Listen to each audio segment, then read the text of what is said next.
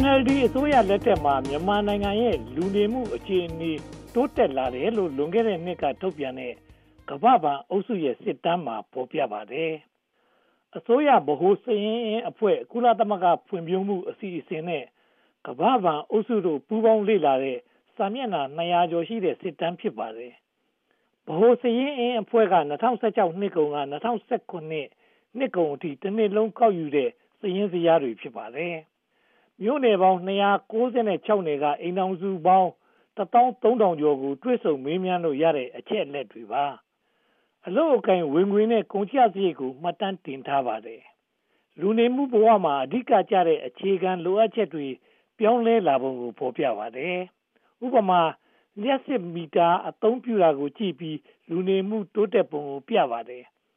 နေအောင်ကြီးဆိုလာနီးပညာ သုံးစွဲမှုဓာတ်အားလိုင်း တိုးချဲ့မှုတွေကြောင့် အိမ်တော်စုတွေမှာလျှက်စစ်ပစ္စည်းအမျိုးမျိုးသုံးစွဲလာကြပါတယ်။လျှက်စစ်မီသုံးနိုင်တဲ့နေရာတွေမှာညပိုင်းအထိအလုပ်လုပ်နိုင်ကြပါတယ်။ကျေးလက်မှာနေရောင်ကြီးဓာတ်အားသုံးသူဥယေဟာသုံးပုံတစ်ပုံလောက်အထိရှိလာပါတယ်။2010ကတော့နေရောင်ကြီးဓာတ်အားအသုံးပြုသူမရှိသလောက်ရှားပါခဲ့ပါတယ်။ဓာတ်အားလိုင်းကွန်ရက်ကို2015မှာတိုင်းပြည်လူဦးရေ34ရာခိုင်နှုန်းအသုံးပြုခဲ့ပေမဲ့ 2019ရောက်တော့ သုံးစွဲသူလူဦးရေ42ရာခိုင်နှုန်းအထိ တိုးပွားလာပါတယ်။လက်ကင်ဖုန်း အသုံးပြုသူ တိုးပွားလာတဲ့အတွက် ဆက်သွယ်မှု များပြားလာပါတယ်။အိမ်ထောင်စုဦးရေရဲ့85ရာခိုင်နှုန်းဟာ2019မှာ အနည်းဆုံး လက်ကင်ဖုန်းတစ်လုံး ပိုင်ဆိုင်တယ်လို့ ဖော်ပြပါတယ်။ဘဏ်လုပ်ငန်း ပညာရေး ကျန်းမာရေးနဲ့ စီးပွားရေးလုပ်ငန်းတွေမှာ လက်ကင်ဖုန်းခေါ် မိုဘိုင်းဖုန်းဟာ အသုံးဝင်တာမို့ အသုံးများမှုနဲ့ တိုးတက်မှု ဆက်ဆက်နေတယ်လို့ ဆိုပါတယ် မိုဘိုင်းဖုန်းအသုံးအနည်းဆုံးဒေသဟာ ရခိုင်နဲ့ ချင်းပြည်နယ် ဖြစ်ပါတယ်။ဒါပေမဲ့ မိုဘိုင်းဖုန်းရှိသူတိုင်းဟာ ကမ္ဘာနဲ့ ဆက်သွယ်နိုင်တဲ့ အင်တာနက်ကွန်ရက်နဲ့ ချိတ်ဆက်ထားတာ မဟုတ်လို့ ဒီနေရာမှာ အားနည်းနေပါသေးတယ်။လျှက်စစ်ဓာတ်အားသုံးစွဲမှုကိုလိုက်ပြီး အိမ်သုံးလျှက်စစ်ပစ္စည်း သုံးစွဲမှုလည်း များပြားလာပါတယ်။ TV မော်တော်ဆိုင်ကယ် သုံးစွဲမှုဟာ လွန်ခဲ့တဲ့ ၁၀ နှစ်ကျော်အတွင်း သိသိသာသာ တိုးပွားလာပါတယ်။၂၀၀၅ မှာ TV ပိုင်တဲ့ အိမ်ထောင်စု25ရာခိုင်နှုန်းလောက်သာရှိပေမယ့်2019ကိုရောက်တော့မိသားစု54ရာခိုင်နှုန်းဟာ TV ပိုင်ရှင်ဖြစ်လာပါတယ်။မော်တော်ဆိုင်ကယ်မှာလည်းဒီပုံစံအတိုင်းဖြစ်နေပါတယ်။2005မှာမော်တော်ဆိုင်ကယ်ပိုင်ရှင်မိသားစု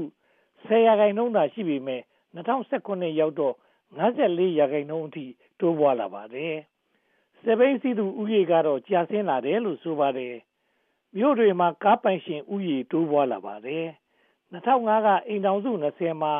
ကားပိုင်သူတဦးရှိပေမဲ့2012နဲ့ရောက်တော့2ဦးရှိလာပါတယ်။သတင်းအချက်အလက်သိရဖို့ရေဒီယိုကိုအားကိုးခဲ့တဲ့ပြည်သူတွေဟာ TV ကိုလည်းဦးစားပေးလာကြပါတယ်။2005ကနေ2014အထိရေဒီယိုသုံးစွဲသူဦးရေတိုးပွားလာပေမဲ့2014နောက်ပိုင်း TV နဲ့လက်ကင်ဖုန်းကိုသုံးစွဲသူများပြားလာတယ်လို့ဆိုပါတယ်။ဓာတ်အားလိုင်းကွန်ရက်နဲ့ဆက်သွယ်နိုင်တဲ့နေရာဒေသတွေမှာ ရေခဲတစ်တာ ထမင်းချက်အိုး စတဲ့ အိမ်သုံးလျှပ်စစ်ပစ္စည်းတွေကို အသုံးပြုလာကြပါတယ်။နေရာဒေသ ရာသီဥတုနဲ့ လူမှုစီးပွားရေး အခြေအနေကိုလိုက်ပြီး အိမ်ဆောက်ပစ္စည်းတွေ ကွဲပြားသွားပါတယ်။ဒါပေမဲ့ အိမ်မိုးသွပ်ပြားသုံးတဲ့ အိမ်ထောင်စုဦးရေ တိုးပွားလာပါတယ်။2005မှာ အိမ်မိုးသွပ်ပြားသုံးတဲ့ အိမ်ထောင်စု44ရာခိုင်နှုန်း ရှိရာက2019မှာတော့80ရာခိုင်နှုန်းအထိ တိုးပွားလာပါတယ်။၆သွေ့ပူအိုက်တဲ့ ဒေသတွေမှာ ဝါထရံကို အများဆုံး အသုံးပြုကြပါတယ် ကျေးလက်ပညာရေးလည်းတိုးတက်လာပါတယ်အလယ်တန်းကျောင်းတက်သူဦးရေ20ရာခိုင်နှုန်းတိုးပွားလာလို့အိမ်တော်စုအခြေအနေကောင်းလာတယ်လို့ပြောနိုင်ပါတယ်အသက်15နှစ်အထက်အလုပ်လုပ်နိုင်သူဦးရေ35သန်းမှာအမျိုးသမီးက54ရာခိုင်နှုန်းပါဝင်ပါတယ်မြို့နယ်လူဦးရေမှာအလုပ်လုပ်တဲ့အမျိုးသမီးများပြားလာပါတယ်အမျိုးသမီးဦးရေမှာ52ရာခိုင်နှုန်းအလုပ်လုပ်ကြပြီးအမျိုးသားဦးရေမှာတော့80ရာခိုင်နှုန်းအလုပ်လုပ်ကြပါတယ် ပြည်သူတွေအများဆုံးလုပ်လို့ရှိတဲ့စိုက်ပျိုးရေးမွေးမြူရေးတစ်တောစတဲ့လုပ်ငန်းတွေမှာလုတ်ကင်သူဥယျာဉ်လျော့နှဲလာပြီးဆောက်လုပ်ရေးနဲ့ကုန်ထုတ်လုပ်ငန်းမှာအလုပ်သမားဥယျာဉ်တိုးပွားလာပါတယ်2005မှာစိုက်ပျိုးရေးလုပ်သူ60ရာခိုင်နှုန်းရှိရာက2019မှာ90ရာခိုင်နှုန်းအထိကျဆင်းလာပါတယ်ဝန်ဆောင်လုပ်ငန်းမှာပါဝင်သူဥယျာဉ်ကတော့30ရာခိုင်နှုန်းဝန်းကျင်မှာတည်ရှိနေတယ်လို့ဆိုပါတယ် အရွယ်ရောက်သူထဲမှာအရေးအဖတ်အတွက်အားသုံးလုံးကျေသူ90ရာခိုင်နှုန်းရှိပေမဲ့ပြည်내နဲ့တိုင်းအဆင့်မှာ80ရာခိုင်နှုန်းလောက်သာရှိပါတယ်ကရင်ပြည်နယ်မှာစာတတ်သူ70ရာခိုင်နှုန်းရှိပြီးရှမ်းပြည်နယ်မှာ